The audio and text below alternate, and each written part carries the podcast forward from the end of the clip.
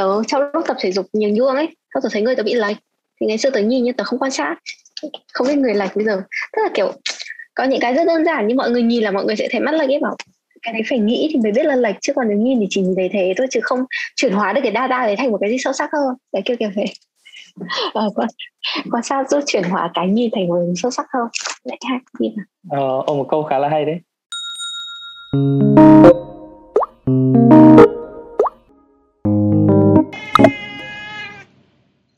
Ok, chào Trang đã đến với chân bước bỡ ngỡ.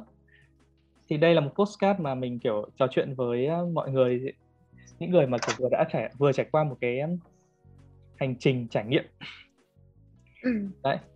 Thì um, Trang giờ cũng ờ, được gần 2 tháng sau khóa học tôi là ai nhỉ? Và cũng có một cái ừ. trải nghiệm khá là dài. Thì bữa nay kiểu là ok một nói chuyện đấy. Đấy, giữa chúng ta xem là ok kiểu mình cũng tò mò xem là khoảng thời gian vừa qua thì Trang thế nào và kiểu ok một cái hành trình uh, của Trang thì nó ra sao? Mà cũng đặc biệt hơn là Trang không phải chỉ có tham gia trải nghiệm kiểu uh, một bản sắc mà Trang còn kiểu lockdown trong suốt mấy tháng trời. Và mình nghĩ rằng là kiểu cái khoảng thời gian lockdown này ấy, thì là kiểu mọi người nhìn được rất là nhiều thứ về bản thân. Ừ chả có ra ngoài nhìn mọi thứ được nên là phải nhìn về bản thân đúng không? Thì uh, nói chung là tớ là một đứa khá nhanh với cả làm được nhiều thứ ấy. Thì có thiếu mỗi kỹ năng là lắng nghe với cả quan sát thôi thì uh, thì uh, học. Học thì nói sao nhỉ? Tức là không phải nhớ không phải không nhưng mà có một số cái tớ thấy là khi mà tớ để ý thì mọi thứ nó thú vị hơn ấy. Ví dụ như đầu tiên thì tớ sẽ tập quan tập trung quan sát cảm xúc của mình trước. Tại vì nhìn bản thân ấy thì tớ sẽ để ý thấy là ừ, sẽ có một số hoạt động làm tớ chậm lại được. Ví dụ như khi tập thể dục nấu ăn hay là hôm qua thì tớ mới phát hiện ra là khi mà tớ cắm hoa thì lúc cắt là làm một số cái hành động thủ công đấy thì lúc đấy nó nó mới quan sát bản thân ấy. Thì thường khi mà tớ cáu một cái gì đấy thì tớ sẽ phát tiết ra nhưng mà nhiều việc là tớ biết là tớ thể chậm lại bằng những hành động đấy thì kiểu bây giờ cáu tớ sẽ đi tập. Thì lúc đi tập khoảng tầm một tiếng tớ quan sát được lại diễn biến cảm xúc của bản thân và câu chuyện thì tớ tớ đỡ chó điên hơn. Vâng. quan sát thì cũng hay tức là uh, nó gọi là trải nghiệm nhiều hơn ấy. Ví dụ như là um, một cái của quan sát là cậu sẽ phải đi xem thông tin ấy. Thì đợt này dịch ở Hà Nội không nói chung là ở Sài Gòn không đi chợ được, cũng không mua được siêu thị. Bình thường ngày xưa mua siêu thị hoặc là đặt shopee, tức là cửa auto lên trên mạng là nó sẽ có.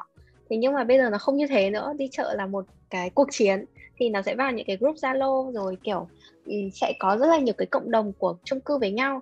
Thì những cái cộng đồng đấy nó hoạt động theo kiểu rất là không có một tí văn minh nhân loại nào hết. Tức là kiểu đi vào rồi cậu sẽ thấy một nhóm chat các mẹ thi nhau ngồi ở ai mua cá không? Ai mua rau không? Y như kiểu chợ truyền thống ấy. Sau rồi mình sẽ phải lướt. Sau trong lúc để mình đọc được bài này bàn cá thì mình sẽ phải nhảy vào nói chuyện riêng. Thì cái, thì thì cái việc đấy khiến cho tớ sẽ, kiểu, ngồi đọc quan sát rồi lọc thông tin ấy, thì tớ sẽ thấy là, ơ tại sao kiểu trên bán bưởi dưới cũng bán bưởi chỗ này 30 nghìn chỗ kia 80 nghìn mà cùng một loại bưởi tại sao nó có sự khác nhau ấy? Thì lại đọc thì lại quan sát thêm thông tin nữa thì lại kiểu phát hiện ra là cái hàng này bán đắt tại vì cái anh này là kiểu ông hoàng thông chốt tức là chốt của bất cứ tỉnh nào cũng sẽ đi qua được ấy. Thì cái kiểu mình mình khi mà mình quan tâm một tí mình đọc được thì nó sẽ có một cái kiểu khá là dễ thương ấy. Xong rồi tớ, tớ cả đời tớ chưa bao giờ mua hoa cả. Nhưng mà tại vì chợ xong các mẹ mua hoa nhiều quá tự nhiên buổi sáng lên thấy ai mua hoa ấy xong mình thấy cũng rẻ mua thử cho biết biết được luôn là hôm nay giảm hay mai giảm mới quen rồi nên mọi người mua hoa cũng giảm thì mua về xong rồi cắm thử. Đấy là tiếp trong đời cắm cắm xong thấy cũng vui. Thế là nghĩa trò này cũng vui. Thì thì tức là, tất cả những cái đấy nó đều là quan sát mọi người làm mọi thứ nhiều hơn. Cho nên thử bắt chước xem sao rồi thấy nó khá thú vị. Ừ, tôi thấy trong khi ngày xưa thì tại vì không phải lockdown có nhiều lựa chọn ấy, ví dụ các mẹ mua hoa mình sẽ nói luôn là không thích. Đi ta không có thời gian để quan sát những cái đấy thì tớ nghĩ là cái giá trị nhất của việc hai tháng trải nghiệm là vì tớ có thời gian rảnh, nên tớ chấp nhận làm thứ tớ không thích là quan sát. Thì khi quan sát ra thì sẽ thấy nhiều cái hay, kiểu thế. Hay là tớ đang thử học một cái khóa về ăn mặc, tức là thử xem mặc đẹp hơn ấy. Thì cái bài tập đầu tiên cơ bản nhất của khóa đấy là ai là nàng thơ của bạn? hay là bạn thích phong cách ăn mặc của ai? Chưa bao giờ nhìn xem người ta mặc nào để biết là thích cách ăn mặc của ai. Tức là mình thiếu từ cái bước cơ bản đó là cái cậu phải nhìn ai để mắc đẹp rồi cậu bắt trước người này. Rồi con không nhìn thì thì đấy là thiếu kỹ năng quan sát. Thì khi mà cô giáo chỉ như thế thì mình bắt đầu ờ, ở thế, cái này dễ. Thế mà thì lúc đấy mới bắt đầu nhìn. Thì khi mà tớ kiểu trong hai ba ngày tớ nhìn nhiều hơn thì tớ tớ nắm được vấn đề khá là nhanh ấy. Tức là chỉ cần nhìn là được. Cũng có được lợi thế. Rồi nếu mà xét về mặt quan sát bạn cùng nhà hay là con mèo ấy thì tại vì nó giống như kiểu ở với nhau khoảng một tháng hai tháng thì sẽ hiểu tính nhau ấy. Ví dụ như kiểu cậu ở với vợ cậu ấy, mà tự nhiên vợ cậu đi ra xong thấy mặt vợ cậu hơi hơi hơi chó điên mà cậu không chạy được thì cậu sẽ tự biết mà né thì đấy à, quan sát và biết cách cư xử với nhau. Nói chung là um, nói sao nhỉ? Tôi thấy cái quan trọng nhất của quan sát là vì cậu không làm được cái gì khác. Tức là đặt cậu vào tư thế phải quan sát và lốc đao ấy. Tức là thường nếu mà không quan sát thì chúng ta sẽ bỏ qua nhìn cái khác chạy hoặc là tìm một cái thứ gì khác. Nói chung là tớ hiểu là chạy trốn cái đấy chứ không nhìn. Thì thì đau làm cho tớ không chạy trốn được thì phải nhìn nhìn thì sẽ nhìn ra được nhiều cái. Đấy là trải nghiệm của tớ. Um, ok tớ tò mò là thế uh, tại sao mà từ đầu cậu lại chọn là người quan sát? Thì thiếu mỗi kỹ năng đấy thôi. Uh. tức là tớ luôn luôn biết là tớ thiếu kỹ năng đấy kiểu từ cách ăn mặc rồi các thứ đều không quan tâm đến người khác quá nhiều ấy. Ừ. thì cái gì mình thiếu thì mình học. Ờ, ok. Thế um, cậu cậu thấy rằng là thời gian đầu ấy cái việc uh, quan sát ấy, và kiểu làm theo những cái phần bài tập mà uh, đúng là làm theo những cái phần nhiệm vụ mà ở cái phần bản sắc quan sát ấy người quan sát ấy thì cậu thấy có khó ừ. khăn gì không? Không làm được chứ có gì đâu mà khó khăn. À, cảm giác chung là bất lực tại vì thực ra nói quan sát thì rất dễ nhưng thực ra nó khác về mặt bản chất hành động ấy. Tức là khi mà có một sự việc xảy đến về tớ thì tớ sẽ hành động theo một cách thế nhưng mà bắt tớ quan sát là một cái phương pháp hành động khác với các các cách tớ thường làm. Thì thường tớ sẽ không làm được. Thì thời gian đầu tớ khá chú tâm vào việc là làm đúng được cái yêu cầu đề bài ấy, kiểu chuyện đến thì chỉ nhìn nó thôi. Thì tớ khá là áp lực tại vì tớ thấy là mình làm đến đâu thôi đến đấy. Tức là không làm được và nó rất là vất vả khó khăn ấy. À, xong rồi sửa nó theo cách là quan sát những cái mình thích. Xong rồi quan sát ví dụ như là lúc đầu cậu bảo quan sát người khác thì tớ không thích quan sát người khác nhưng nếu quan sát bản thân thì tớ thích thì thì tức là tớ phải cố tìm cách sửa lại cái bài tập đấy cho nó phù hợp với mình. Nhưng mà có giá trị. Thế cậu nghĩ rằng là việc quan sát ấy thì nó khác gì với um, việc nhìn? Kể đến bây giờ thì cậu thấy nó khác thế nào? Nhìn thông tin nó sẽ không đi vào đầu hoặc là nhìn thì chỉ nhìn thế thôi ví dụ như là tớ tập thể dục ấy xong tớ quan sát uh, tớ trong lúc tập thể dục nhường nhuông ấy xong tớ thấy người tớ bị lệch. Thì ngày xưa tớ nhìn nhưng tớ không quan sát không biết người lệch bây giờ. Tức là kiểu có những cái rất đơn giản nhưng mọi người nhìn là mọi người sẽ thấy mắt lệch ấy bảo cái đấy phải nghĩ thì mới biết là lệch chứ còn nếu nhìn thì chỉ nhìn thấy thế thôi chứ không chuyển hóa được cái data đấy thành một cái gì sâu sắc hơn. Đấy kiểu kiểu thế. Ờ, quan, quan sát giúp chuyển hóa cái nhìn thành một sâu sắc hơn. Lại hai nhìn ờ, một câu khá là hay đấy. Cậu nhìn bản thân cậu bây giờ ấy và ừ. bản thân cậu ờ, cách đây hai tháng ấy, thì cậu ờ, thấy rằng là nó có khác biệt gì không? À tớ nghĩ là tớ dự tính hơn cảm giác đấy tức là tớ tớ tớ vẫn chó điên tớ vẫn có nhiều cảm xúc nhưng mà tớ xử lý cái đấy dễ hơn và tớ tức là giống như kiểu bình thường tớ chó điên thì tớ không quan sát ấy vì bây giờ tớ quan sát thì tớ vẫn chó điên thôi nhưng tớ nhận thức được chuyện đấy. Thì cái việc nhận thức được chuyện đấy khiến cho mình trưởng thành hơn dùng từ cao cả thế. Nhưng nhìn nhìn chung là tớ thấy tớ nghĩ là tớ tốt hơn. Thì cậu thấy rằng là ở khóa học ấy thì những cái thông tin khóa học thì nó có hữu ích cho cậu trong cái hành trình này không? Hay là cái hành trình này lại à, giúp cậu hiểu hơn về cái khóa học tôi là ai? Ừ, thực ra tôi thấy hai cái nó khá là khác nhau ấy. Tức là cái phần kiến thức của khóa học nó giúp cho tớ nhận ra được là ở ừ, cái cái một người phát triển là có những cái gì và mình đang thiếu những cái gì. Ờ, và nó có một hệ thống ấy tức là tớ áp dụng được kiến thức đấy làm rất nhiều thứ như được nhiều người rồi kiểu xử lý vấn đề xong rồi các thứ. Còn nó giống như kiểu đưa cho tớ một kỹ năng ấy. Thế còn cái phần thực hành nó là như kiểu một cái chỉ cho riêng tớ ấy. Tớ hàng ngày tớ sửa dần sửa dần rồi tớ tốt lên dần tốt lên dần ấy. Thì ừ, thực ra nó bổ trợ lẫn nhau. Nhưng mà cá nhân tớ thì tớ thấy nó giống như hai trải nghiệm khác nhau ấy. Tức là kiểu dương bán một mình khóa học thôi nó là một cái value và cái trải nghiệm nó là một cái value khác. Mặc dù hai cái value để bổ trợ cho nhau nhưng mà nó nó nó không nhất thiết phải đi cùng nhau ấy. Hai tháng vừa rồi ấy, thì cậu thấy rằng là cậu làm làm những gì là chủ yếu ấy? Cậu thấy rằng những cái gì mà làm cho cậu uh, cậu vui chẳng hạn? Trong thời gian đại dịch vừa rồi. Ừ. có một cái khiến tớ rất vui là ờ, đại dịch vừa rồi khiến cho tớ có sống lành mạnh hơn ấy. Tức là kiểu tại vì một ngày mà chỉ ở nhà thì nó sẽ rất là dễ chán nản và trôi qua ấy. Thì tớ làm một cái là cứ mỗi buổi sáng tớ sẽ viết ra khoảng năm, ba, ít nhất là 3 đến 5 điều tớ cần phải thực hiện trong ngày hôm nay.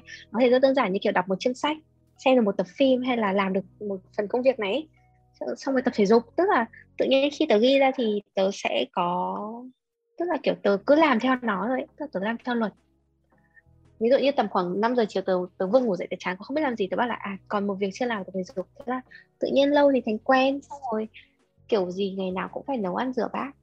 Thì tớ sẽ viết ra lên kế hoạch trước là ngày mai sẽ ăn cái gì xong rồi điều chỉnh tức là thấy nó cũng thấy mình sống ờ, điều độ hơn.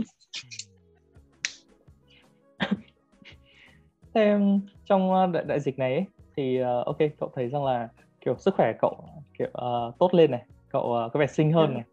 Thế ừ. cậu thấy những người xung quanh cậu thì sao? Cũng không thấy nhiều người xung quanh mình lắm nhưng mà thường thì mọi người nói chung tớ tớ khá thông cảm thấy mọi người dễ thương. Tức là uh, mọi người dễ thông cảm cho nhau hơn. Ví dụ như tớ mua rau ấy tớ mua nửa cân hành lá tớ mua nửa cân hành tây nó ship nhầm nửa cân hành lá. Nhưng thôi dịch thì thông cảm thế tớ lại chia cho mọi người xung quanh ấy. Hay là nói chung là nó sẽ như thế này trong những người trong mùa dịch 3 ngày thì sẽ có một ngày một người phát điên lên và rất sầu tính và thần kinh. Thì đấy là chuyện ai cũng chấp nhận được rất tớ bỏ qua. Rất lâu lâu bạn bè sẽ nhắn tin và điên lên mất một lần. Ừ. đứa nào ở tù điên thì chấp nhận. Thế còn sẽ có một ngày mà có một ai đề nghị ra cái gì rất vui vẻ tích cực thú vị thì mọi tớ sẽ lan truyền cái đấy. Kiểu như tớ xem phim được hay tớ sẽ rủ mọi người xem phim. Thế còn còn lại thì mọi người khá là chịu đựng. Tớ bắt đầu nhận ra là dân Việt Nam ngoan và chịu đựng ví dụ như Sài Gòn cấm ra đường hai tuần hôm nay là ngày kết thúc của cái cấm hai tuần hai tuần không được ra đường không được đi chợ gì cả. Thế nhưng mà không hề có một thông tin là ok thì bây giờ hết hai tuần sau thì từ ngày mai có được ra đường không ấy? Thì sau ngày mai là thế nào? Hay vẫn ở nhà tiếp? Bây giờ các bác chuyển sang chế độ là không báo chúng mày tự hiểu rồi. Nhưng không có thông tin thì dân vẫn rất nhẫn nhịn. Họ vẫn ở nhà tôi thấy ngoan thật. Ngoan dã man tức là mọi người ở đa sân hay là Sài Gòn có giờ nghiêm là 6 giờ tối thì bây giờ kiểu hôm trước tới với chị Kim hẹn nhau ấy hẹn 3 giờ không được cái hẹn xuống 5 giờ 4 rưỡi thôi không đến 5 giờ. Thế xong chị Kim bảo thôi muộn quá để sang ngày mai. Thì kiểu là ủa 4 rưỡi chiều? Từ bao giờ 4 rưỡi chiều là muộn? Ngày xưa 4 rưỡi chiều là còn kiểu chuẩn bị ra đường và chuẩn bị bắt đầu một cuộc sống về đêm ấy. Thì thế nhá mọi người rất là ngoan ấy mọi người một cách vô thức mọi người làm theo. Tôi thấy cũng tôi, tôi hơi bất ngờ về độ ngoan của người Việt Nam thế cậu uh, chúng ta đã nói nhiều về kiểu cái um, cái sự kết nối về bản thân ấy. Thì cậu thấy rằng ừ. là cái việc cậu uh, kết nối với những người khác thì uh, điều đầu tiên nhất đó là cái việc cậu kết nối với những người khác thì như nào? Mọi người có hay à, cậu kết nối bằng những cái gì? Ừ, tớ phụ hơn nhiều. Tớ đứa nào vui thì tớ chơi. Ví dụ như là nếu ai để nhắn tin tức là cứ bị một cái là dịch ấy đằng nào cũng không gặp nhau. Thế sau tớ nhận ra là bây giờ mà làm mất lòng nó thì cũng phải hai ba tháng nữa gặp. Lúc gần đấy làm lành cũng được. Thì khi mà mọi người tiếp cận với tớ mà vui vẻ thoải mái thì tớ rất là cởi mở. Nhưng nếu mà mọi người có ý than phiền hay không thì một là tớ sẽ xin không rep ignore. Hoặc là tớ kệ hoặc là tớ sẽ nói thẳng. Tớ tớ không nói chuyện với nhiều người ai vui tớ mới nói. Ờ thế mọi người um, xung quanh cậu ấy thì kiểu nhiều người buồn và mệt mỏi không? Thì đấy nếu mà mệt mỏi thì tớ né còn vui thì tớ mới lại gần. Ví dụ như thực ra thật mình tại sao nghiên cứu một hồi hồi quan sát thấy mình à tớ lựa chọn quan sát những gì tớ muốn. À. tớ thấy cuộc sống tớ tốt hơn vì tớ tớ tớ tớ chọn cái tớ muốn để tớ nhìn. Ví dụ như cái cái tớ nhìn tớ cảm giác tớ không thích ấy, hay là ngay cả trong mọi thứ tớ tớ có cảm giác là cái này đúng với mình hay cái này không đúng với mình nhanh hơn ấy. Nên là ừ, ví dụ như nói chuyện với trai chẳng hạn nói chuyện khoảng hai ba câu tớ lại có cảm giác tớ kiên nhẫn hơn tớ vẫn sẽ quan sát cho người ta thêm thời gian ấy, nhưng tớ không mất thời gian của tớ lắm. Thế thực, thực ra có một cái tớ thấy có thể take note là mọi người nghĩ là quan sát tốn thời gian ấy nhưng thực ra cái việc quan sát và hiểu nhanh thực ra lại giúp mình chọn nhanh và chọn đúng hơn. Nên là nó là một cái key point khá quan trọng. Ừ. quan sát tiết kiệm thời gian phết. Ừ kiểu cậu sẽ cậu và những người mà cậu giao lưu thì mọi người sẽ làm gì với nhau? Nói về những chủ đề tôi thích tức là tôi sẽ có bố mẹ gia đình thì mọi người sẽ gửi tin kiểu được hỗ trợ rau như thế nào này đồ ăn đã đủ chưa này. Xong rồi nói chuyện kiểu vui chơi là hôm nay làm gì tập thể dục sẽ rủ nhau tập uh, sẽ rủ xem phim chung sẽ rủ buôn chuyện về tình hình chính trị. Ta vẫn nói mọi thứ thôi. Cái duy nhất là cái tâm trạng nói tức là khi mà tôi nói mà tớ thấy mọi người đang có cảm giác tiêu cực thì tớ sẽ không muốn tiếp nhận. Thế là mọi người mà nói chuyện kiểu ở vui đấy cứ nói thì thì tớ tớ nghe hết cái gì tớ nghe um, tớ thấy hôm hôm trước cậu có đăng ảnh là khu chung cư chỗ cậu rồi mọi người làm kiểu uh, show gì đúng không? Nhảy nhót các thứ ở ban công đúng không? Ừ ừ đúng rồi. Mà kiểu chung cư sẽ rất là dễ thương ấy tức là kiểu hôm trước tớ kiểu hôm trước bạn tớ muốn ăn cá nhưng mà nhà tớ không mua được cá là đang lên chung cư xin mua lại. Thế là được tặng ba người tặng cá liền ấy, thì một là tớ khá bất ngờ vì tớ không nghĩ được tặng. Thứ hai là tự nhiên thấy mọi người, kiểu, yêu quý nhau ấy. Xong rồi tớ quan sát và tớ biết được nhiều hàng xóm hơn. Ví dụ như trong hàng xóm bây giờ đúng là hội chị em nào sẽ có chị đại ấy sẽ có một hai chị đại nổi tiếng chuyên gom hàng chuyên bán cái này bán cái kia. Thì một lần tôi xuống tới gặp chị ý là kiểu anh bảo vệ ai cũng biết chị ý và cái phong thái làm việc. Tức là chị ý có một cái quyền lực ngầm của đúng kiểu tổ trưởng tổ dân phố ấy. thì thì tức là những cái đấy tôi đi xuống tôi quan sát tôi thấy rất là hay rất là kiểu um, giống như kiểu bảo vệ cũng làm việc cho chị ý luôn. Xong rồi chị ý cũng được ừ, ta kiểu được đi ra ngoài mọi thứ rất là thoải mái. Vậy trong khi rất là tối hiểu chung cư tòa cách tòa cậu đi từ tòa một sang tòa hai tức là đi bộ hai tòa cạnh nhau ấy là cậu bị phạt 2 triệu. Cảnh sát đi vòng vòng bài đi ra giữa đường luôn. Gặp ông nào chào ông đấy. Tức. Không tức không tức. Ờ thế là tức hay là không tức? Ờ, tức là tôi thấy cái đấy thú vị. Tức là tôi thấy cái tức là tôi nhận ra đấy cũng là một dạng quyền lực. Và quyền lực đấy nó mang lại khá là nhiều giá trị mà nó nó tức là tớ quan sát thấy cái đấy cũng hay còn còn nửa tức nửa nửa buồn cười tớ thấy nó thú vị thôi còn không tức đến thế. Thế uh, món ăn gì mà cậu uh, kiểu mong chờ nhất sau khi hết dịch?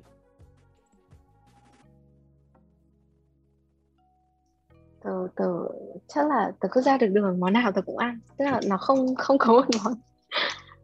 Thực ra cái nhớ nhất là nhớ cái cảm giác được ra ngoài ngồi ăn ấy cái cảm giác được gọi đồ ấy. chứ còn thực ra các món mà mình quá thích ấy, hay quá mê thì lại tìm được công thức để có thể làm tại nhà rồi. Không còn đam mê ẩm thực như thế. Ừ. nhớ cảm giác nhiều hơn ừ. nếu sau khi hết dịch ấy thì uh, đâu sẽ là nơi cậu uh, muốn đi đầu tiên? Chắc là sẽ về Hà Nội tức là không chưa hết dịch nhưng mà nếu mà được tớ tiêm đủ hai mũi thì tháng sau hoặc tháng sau nữa sẽ về Hà Nội mấy tháng. Về để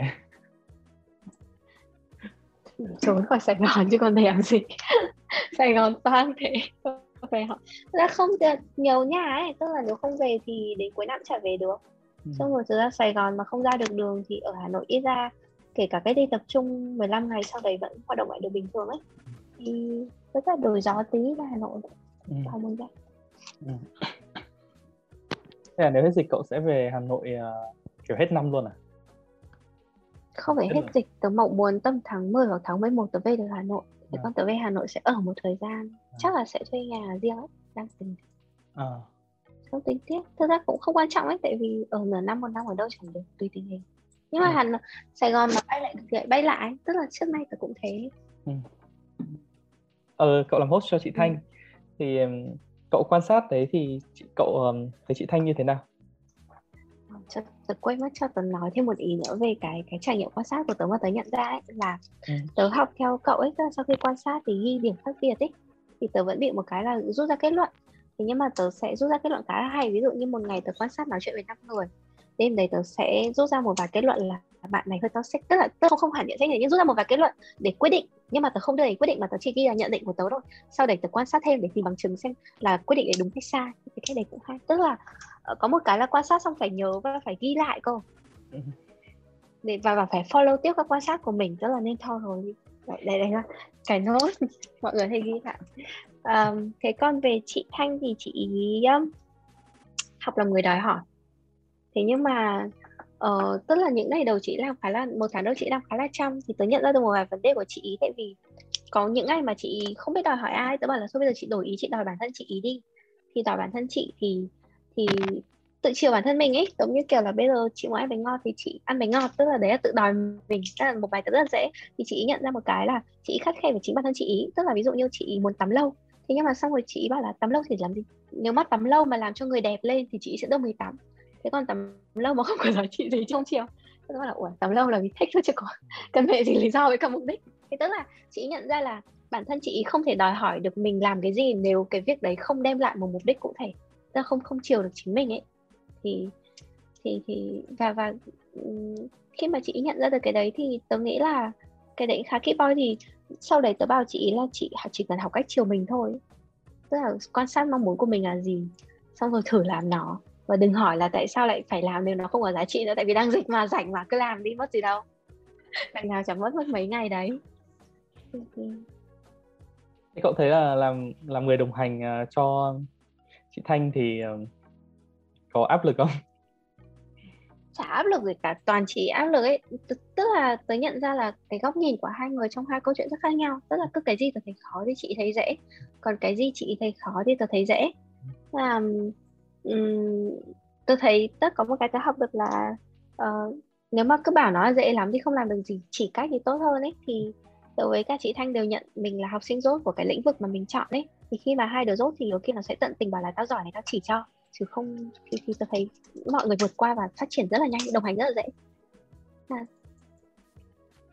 tại vì cái này tớ lấy từ một cái ngay sơ tớ với con bạn tớ cũng làm một cái kiểu cũng cũng thế nhưng mà hai đứa hơi ganh đua nhau ấy theo kiểu là rốt mà không chịu nói là rốt ấy.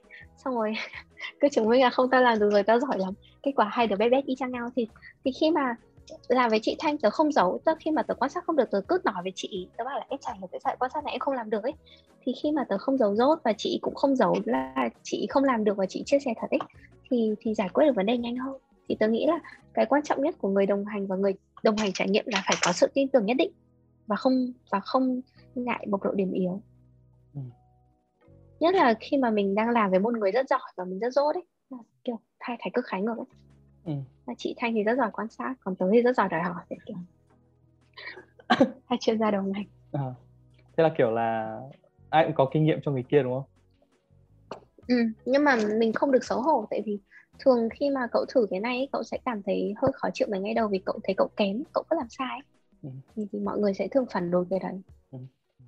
Thế thì tớ cũng thấy rằng là khi mọi người bắt đầu hành trình ấy nhất là khi mà ừ. phải uh, thử những cái bản sắc mà không giống với cái con người của họ ấy thì ừ. sẽ rất khó khăn cho họ trong những cái bước đầu tiên ừ. Đấy, thế nên là tại sao mà người đồng hành quan trọng kiểu người đồng hành sẽ là kiểu người có thể kiểu động viên ấy và thúc đẩy mình đi tiếp và thấy rằng là kiểu là tôi nghĩ rằng là thường sau kiểu một tuần rồi hai tuần ấy thì mọi người sẽ quen với cái cái tính cách mới rất là nhanh lúc đó thì mọi thứ sẽ dễ dàng hơn rất là nhiều. Cậu thấy là có mất bao lâu để ờ, kiểu thấy thoải mái hơn với việc quan sát? Tớ cũng không biết là đến tự nhiên nhưng thực ra tại vì dịch nó có nhiều chuyện với các cái môi trường nó có hạn ấy nên là uh, tức là tớ, tớ có thời gian ấy. Ừ. cái câu là tớ cứ phải giờ là tớ có thời gian mà tớ có thời gian thì quan sát một tí đi tức là như ở sáng nãy vừa cãi nhau với thằng bạn, nhưng mà sau kiểu mình thấy là mình có thời gian mà mình có thể dừng lại ở đây để quan sát và nghĩ về nó đến tối. Nghĩ nghĩ về nó đến tối thì thấy đỡ bức hơn. Thì đến bao giờ quen được với chuyện đấy à thì có một cái tôi rất lo lắng nhé là tại vì bây giờ có thời gian khi dịch mở rồi làm nhiều sợ không có thời gian, sợ quên mất bản sắc quan sát, không còn quan sát bản thân được. À, không, tôi nghĩ rằng là khi mà ừ, hết dịch là theo cậu là hoàn thành bản sắc đấy rồi chứ cậu có thể chuyển sang cái khác rồi. Và nó sẽ là cái bản bản sắc đấy nó cần điều kiện để để để thực hiện được ấy. Ví dụ như đối với tớ thì để quan sát được tớ cần phải có thời gian chậm lại và kiên nhẫn. Thì không phải là lúc nào cũng có một môi trường phù hợp để để xây dựng những bây giờ. Thế thì um, tớ nghĩ tớ thì nghĩ như thế này. Kiểu um, khi mà cậu đã hoàn thành được cái bản sắc đấy ấy, thì ít nhất ấy, là cậu đã có được các kỹ năng cho việc quan sát. Ừ. và kiểu khi cậu luyện tập lại hay có thể rằng là nó luyện tập lại sẽ rất là dễ hoặc là nó sẽ giống kiểu là trở thành một phần kỹ năng của cậu. Đôi khi kiểu cậu không cố ý kiểu cậu không chú tâm đến việc quan sát nhưng cậu vẫn quan sát. Ừ. kiểu kiểu như thế. Thì tôi thấy rằng là đấy là một cái điều khá là hay với việc trải nghiệm. Cậu có định uh, sau khi hết dịch thì uh, đồng hành với một số người nữa không? Um, tớ tớ sẽ có đồng hành một số người nhưng chắc là để để chọn ca thú vị tại vì thực ra thế này dịch nó khá tức là tớ tớ làm đồng hành ba người đúng không thì ừ. chị Hương thì hơi khó nhưng mà còn chị chị, chị Phụng tớ ừ. có friend tớ cũng khá là muốn support chị trong đoạn viết ấy ừ. mà chị kẹt từ ngày này đến giờ ở công ty ừ. tức là kiểu tưởng tượng là cái cái cái bối cảnh và các thứ của chị nó đúng là kiểu đang trong thời chiến ấy ừ. không thể đang trong thời chiến mà mình bảo là ê bây giờ chị thử viết đi được chắc là bài tát vào mồm mình tức là tức là rất là muốn giúp nhưng mà người người đấy cũng không có thời gian ấy thì không follow được nên là chắc là tớ sẽ chọn tại vì giờ tớ muốn làm follow với ai đấy thì tớ muốn người đấy follow cùng cùng tớ như kiểu tớ với chị Thanh vẫn nói chuyện được với nhau vẫn có lý do để duy trì. Không nhận là tầm một hai tuần bỏ thì hơi buồn kiểu thế. Ừ. thì tớ tớ thấy rằng là nhất là với những người mà uh, thử những cái bản sắc nền tảng ấy như kiểu là ích kỷ này đòi hỏi này. Người viết thì hơi ừ. xu một tí. Uh, thì tớ thấy rằng là với những cái bản sắc nền tảng ấy thì kiểu khi mà mọi người bắt đầu làm ấy kiểu mọi người thay đổi nhanh lắm. Ừ. kiểu mỗi tuần làm con người khác rồi à, giống kiểu là mỗi tuần là mở ra một con người mới thì trong 24 cái bản sách thì cậu định là ừ, nếu mà khi khi cậu làm xong này hoặc là đợt tới là hết dịch ấy, thì cậu sẽ lựa chọn bản sắc nào nữa. Lắng nghe này sau quan sát và lắng nghe. Uhm, ngoài ra thì hình như tất cả các trải nghiệm khác tớ đều đều đều, đều tức là đấy là hai cái mà tớ thấy tớ kém và tớ thiếu nhất. Ừ. tớ sẵn sàng trải nghiệm lâu hơn. Còn nếu mà ai đấy đề xuất thử cái gì tớ cũng không ngại thử. ừ. Thì là nó không phải là cái tớ tớ bị kém đâu. Kiểu thế. À ok. Và cậu uh, gì nhỉ? Cậu thấy hơi khác nhé. Đó là um, cậu là theo kiểu là làm để kiểu hoàn thiện bản thân. Còn uh, mọi người thì tớ thường để mọi người kiểu là làm để thử những cái mới. Bản thân tớ cũng thử nhiều cái mới rồi ấy. tức à. là trong các cái mới của cậu thì tớ không thể nào mới. Ờ đúng. Cậu, cậu cũng đã có nhiều trải nghiệm rồi đúng không? Ừ. là um, à, ai bảo cậu là hoàn thiện bản thân không mới hoàn thiện à. bản thân mới là tìm cái mới rất là khó tại vì nếu mà đơn giản chỉ tìm cái mới thì trên thế giới có 100 cái mới để tớ thử 100 cái ừ. mới để tớ học nhưng mà để tớ học một cái kỹ năng mà nghe nó rất cơ bản ấy tớ mới phải sáng tạo ra tí tỉ các cách ừ. để học nó riêng kỹ năng quan sát tớ phải có thể vẽ ra được khoảng 10 20 các bài tập khác nhau ấy và nó rất là thú vị nó rất là mới kiểu thế ừ. Rồi, cậu tự viết uh, viết thêm những cái bài tập riêng cho mình ở kỹ năng quan sát á? Nó sẽ tự tức là đấy như kiểu ví dụ như um, quan sát thì là quan sát gì? Sẽ quan sát người đúng không? Quan sát mặt quan sát phong cách thì à. xong rồi từ đấy sẽ suy ra được cái gì? Tức là tự áp dụng thôi tự áp dụng à. vào. Cậu có sẵn sàng để chat lấy thông tin là trong hệ đúng kết tình báo ấy. Sao cậu có sẵn sàng chia sẻ đúng bài tập đấy ờ, cho mọi người không thì đấy ví dụ như đang xem thời trang là mặc thế nào thì đẹp ấy thì thì thì, thì, phải, phải đi nhìn. Nhìn thì sẽ biết là mặc cái này đẹp mặc cái này không đẹp. Phải là quan sát. Là đơn giản đơn, đơn giản nhưng mà mời về tới cậu. Cậu có hiểu không? Tức là tớ nhắn tin hỏi một con bạn là ê bây giờ mày dạy thời trang cho tao đi. Nó bảo là ngành công công nghiệp mấy nghìn tỷ đô bây giờ mày muốn tao dạy một ngày thì dạy thế nào? Tức là thì cũng phải bắt đầu từ đâu đấy chứ. Thì tớ bắt đầu bằng việc quan sát. Thì trời ơi quan sát nhìn cái bộ này. Trời ơi quan sát ba bộ quần áo nhìn bộ này thế này thế kia phân tích xong bắt đầu tư duy logic là đã ra được một đống rồi. Thì, thì đấy là quan sát chứ có cái gì đâu. Mà bài tập đấy cũng hay. Mà ừ. quan sát xong mình sẽ tìm được điểm chung ấy nó giống hệ hình như toán thôi tức là một cách vô thức mình sẽ thích thích một cái style này nhưng tớ không biết cái style đấy là gì. Thế sau khi tớ quan sát một lúc và nhiều cái áo nó cùng cái kiểu style đấy thì tớ bắt đầu đi tìm được cái tên của cái style đấy nghiên cứu cái style đấy. Sau nhìn thấy là ồ toàn đồ mình thích. Đấy là quan sát để tìm ra được câu trả lời trong khi à nếu là sử ngày xưa mà quần áo không biết ấy, thì sẽ phải thử 100 bộ 100 style khác nhau. Nhưng cũng không chắc lắm là mình mình cái gì hợp mình. Nên đến khi mà mình bắt được cái tên của nó vì quan sát được nhiều cái giống nhau thì mình sẽ biết. À, thế thì đã hợp lý chưa? Hay là quan sát cho cậu có được thông tin theo các cách khác? Ví dụ như thằng bạn của tớ nó rất là ức chế với chuyện là không có thông tin gì vì nó chỉ quan sát và tìm thông tin ở các kênh chính thống thôi. Báo chí không đưa tin là từ ngày mai thế nào. Không có bất cứ một nơi nào trên mạng báo là từ ngày mai thế nào cả và nó cũng không ra đường hai tuần nó cũng không biết là ra đường thì có được đi chợ không và làm thế nào được đi chợ. Thế mấy cái đấy tớ biết tớ bảo là tại vì mấy cái group Zalo các mẹ ngày nào các mẹ cũng chụp nhập chụp cập nhật tình hình từng siêu thị một là hôm nay ai mở hôm nay có bao nhiêu f không. Rồi kiểu đi ra đường 3 mét thì sẽ bị phạt 2 triệu ấy thì những cái thông tin vỉa hè đấy là thông tin truyền miệng của các mẹ nó là một dạng thông tin.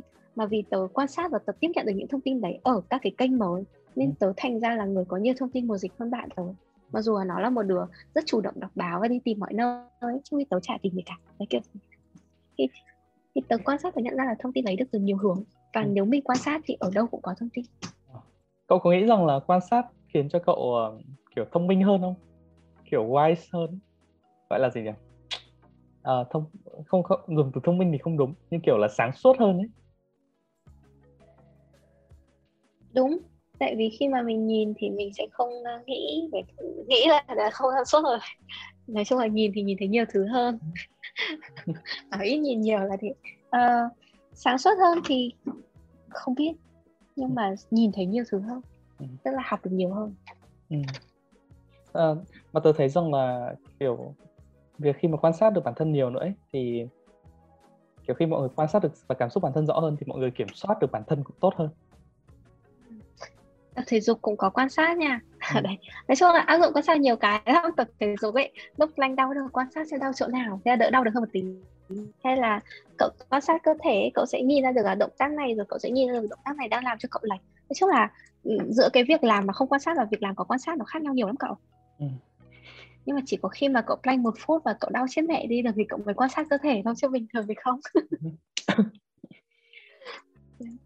um, cậu thấy rằng là cái phần mà uh, cái bài tập quan sát ban đầu ấy với lại cái phần mà ừ. sau đấy thì tớ có phần hướng dẫn mọi người quan sát đúng không thì ừ. cậu thấy rằng là cái phần mà hướng dẫn ấy, thì cái cái giá trị nó khác nhiều hơn cái việc là không có hướng dẫn không Ừm, không có hướng dẫn thì tớ sẽ cải thiện kỹ năng đấy một cách, ơ, bản năng theo cái hướng tốt nhất cho tớ. Ừm. Thế còn khi mà cậu có hướng dẫn thì tớ làm cái đấy rất có mục đích. Ví dụ như bài tập của cậu là tớ hoàn toàn áp dụng trong việc đối xử với người và quan hệ nhìn người. Tớ dựa vào quan sát đấy, tớ không đánh giá mọi người quá sớm, tại vì thực ra tớ cũng nghĩ nhanh và đánh giá mọi người hơi sớm ấy. Ừm. Lần này tớ quan sát để cho thêm thời gian, Ừm. cộng với cả review lại nên là chuẩn hơn. À. Có vẻ cậu rất là vui khi, kiểu, ờ, kiểu nhìn thấy người khác một cách rõ ràng hơn ấy nhỉ? Cũng không biết, nói chung tớ thấy kỹ năng tốt, cũng ừ. vui. Ý là nó là một công cụ khá quyền lực và tớ vẫn chưa trải nghiệm nó hết ấy. Ví dụ như nãy Dương bảo là sắp hết rồi đổi sang cái khác ấy. Thì tớ thấy ơ đã học gì đâu mà hết, tớ thấy nó còn một ừ, bầu trời bao la để yên cho tớ học. thì thì đấy. Không, tớ, tớ thì nghĩ rằng là kiểu uh, cái cái phần trải nghiệm ấy thì nó sẽ đem ừ. cho kỹ năng nền tảng ban đầu đúng không? Nhưng mà nếu mà ừ. cậu uh, cậu làm thêm những cái phần khác nền tảng à, những cái bản sắc khác ấy thì những bản sắc khác là những thứ sẽ giúp cậu uh, có nhiều thêm những nguyên liệu để quan sát. Thế, thế ờ. ví dụ như nãy giờ nói chuyện thì dương nghĩ là tớ có thể thử thêm cái gì nữa? Chẳng như đợt tới cậu có thể là người uh, người tìm đường chẳng hạn. Người khám phá cũng là cũng là một cái thứ hay. Người tìm đường người à, khám phá. tớ, thực ra tớ khá thích quả tìm đường tớ cũng hơi thực hiện nó được đầu mùa dịch ấy tức là đầu dịch khi mà vẫn còn được ra đường thì tớ có một cái hoạt động là đi bộ một tiếng. Tức là mỗi ngày đi bộ mà bạn cùng nhà của tớ thì có một cái luật là không thích đi chỗ cũ. Tức là mỗi ngày phải đi một đường mới. Thì, thì thì đấy là một trải nghiệm nếu mà hết nếu mà được mở lại tớ sẽ bắt đầu làm lại. Mẹ tớ tớ không hề có hạn chế mọi người là mọi người không được làm kiểu hai bản sắc cùng một lúc. Mọi người có thể làm ba bốn cái chính phủ cấm chính phủ cấm à chứ cấm ra đường tôi chứ à, thực, thực ra có một bản sắc nó cũng hay tức là một cái mô tình ra là nhà nông với nướng bánh các thứ ấy thì ừ. nhưng mà hơi bị uh, thiếu về mặt nguyên liệu cá ừ. nhân tớ thấy thì Sài Gòn dịch Hà Nội biết biết là thêm một tháng nữa mà khuyến khích mọi người tham gia thử nghiệm ấy, thì mọi người nên trải nghiệm những thứ mọi người có thể làm được ở nhà ừ. thì đòi hỏi với các quan sát là những thứ rất là dễ kiểu đòi hỏi nhiều khi là nhờ kiểu lấy cho em cái cây lấy cho em cái bút đi như thế hay là nó là những cái rất là dễ người chăm sóc. Chị Kim là một người không phải người chăm sóc ấy thì đầu tiên bảo chị chăm con mèo không được. Thế bảo là cái dễ nhất là thầy phong thủy bảo là chị đi tới cây đi tại tới cây tốt cho phong thủy của chị. 10 ngày sau vẫn không tới được ngày nào để người cây còn không chăm được thì nói gì? Thì thì thì thì nhưng mà ý là những ý tớ là những cái bài tập đấy là những bài tập rất dễ và ừ. làm được ở trong nhà khi mà đang ở tù và kể cả mình có lao được hay không mình cũng sẽ nhận ra được là mình có lao được hay không nhận ra vấn đề ấy, thì mọi người nên trải nghiệm thêm. Chứ còn những bài phức tạp đa dạng hơn thì, thì chờ bao giờ dịch mở có đủ đủ nguyên liệu thả hãng làm ừ. à, tớ, tớ cũng hơi băn khoăn một chút đấy đó là việc mọi người à, tự chọn bản sắc trải nghiệm thì liệu nó có kiểu dễ dàng hơn so cho mọi người hay không? Hay là việc giống kiểu là tớ lắng nghe mọi người tớ quan sát mọi người tớ nghe câu chuyện của mọi người rồi tớ tìm cho mọi người một cái bản sắc để mọi người làm theo ấy? Thì không biết là kiểu lựa chọn nào sẽ giúp giúp cho mọi người thấy thoải mái hơn và dễ dàng hơn để ờ, để để thử? Là xét về mặt là ai đấy chọn đưa cho mình thì luôn luôn thích. Tại vì khi mà dương kiểu nghe 10 câu thế xong rồi thế này thế kia ấy, thì xong rồi dương sẽ có nhận xét nói về con người thì y như xem bói thích. Xong rồi lại còn có định hướng. Thế nhưng mà việc mà mọi người có làm theo định hướng hay không thì là do cá tính của người đấy sau đó. Ừ. thì tớ tớ vẫn nghĩ là dương nên khuyên tại vì đấy là một phần khá là value với cả luôn luôn muốn nghe chuyên gia nhận xét ấy ừ. nhưng mà chuyên gia nói xong thì mọi người có quyền lựa chọn nhưng mà nên nghe chuyên gia cá nhân tớ thì tớ vẫn nghĩ nên nghe chuyên gia ừ. tại vì tớ gửi cho mấy đứa bạn của tớ thử ấy thì nó bảo ô cái này có vẻ hay nhỉ nhưng mà khi mà nó thử hay nhỉ thì, thì nó dừng nhanh lắm tại vì hay nó nó sẽ hết hay ấy ừ. trong khi nếu mà có mục tiêu là học xong bạn sẽ trở thành một người thông minh sáng suốt hơn thì thầy bảo thế thì chắc là sẽ đi được xa hơn. Ừ. nếu để mô tả lại um, cái um, hành trình của cậu trong hai tháng vừa qua ấy, thì cậu sẽ dùng những từ gì để miêu tả? Tối đa là ba từ. Ừ, vừa qua. Thầy tớ kiên nhẫn chăm chỉ.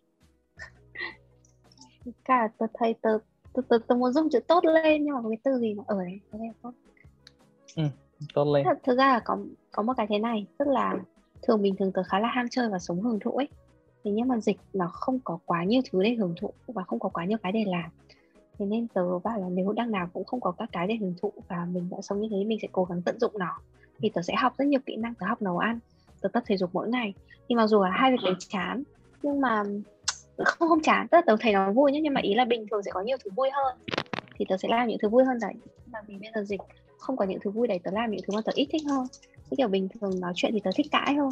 Nhưng bây giờ cãi nhiều cũng chán. Thì quan sát nó là hoạt động thích gì thì tớ thấy là trong thời gian dịch tớ chịu khó làm những hoạt động bình thường, tớ lười làm, tớ rất chăm làm cái đấy và tớ cũng enjoy chuyện đấy. Tớ thấy mọi thứ tốt. Ừ. cậu thấy ờ, cậu bây giờ cậu ờ, trước dịch ấy thì có khác nhiều không? Khác. Ví dụ như giờ tớ thấy thích nấu ăn ở nhà rửa bát nhưng tớ vẫn tin là hết dịch thì tớ sẽ quay lại tớ thích đi chơi. Tôi nghĩ là hết dịch cậu có thể thử đi chơi và kiểu quan sát lại xem là kiểu liệu cậu còn thích nhiều như xưa hay không? Hay là biết đâu kiểu cái à, ừ. cái gu đi chơi của cậu nó lại thay đổi? Ừ, cũng có thể. Ừ. là có một số thay đổi trong và nhận thức nhưng mà ừ, nó là do ảnh hưởng của dịch cho nên không biết là sau dịch thì mình sẽ thành người mới hay mình sẽ về người cũ. Nên cái đấy thì phải quan sát thêm. À, ok. Thì uh, kiểu sau mấy tháng nữa sẽ biết đâu chúng ta lại có thêm một cuộc nói chuyện nào đấy. Ừ. biết đâu trang lại khác. ok rất cảm ơn trang đã đến với uh, chân bước bỡ ngỡ. Ok. À. cảm ơn dương à, ok. Bye. hẹn gặp trang dịp khác ok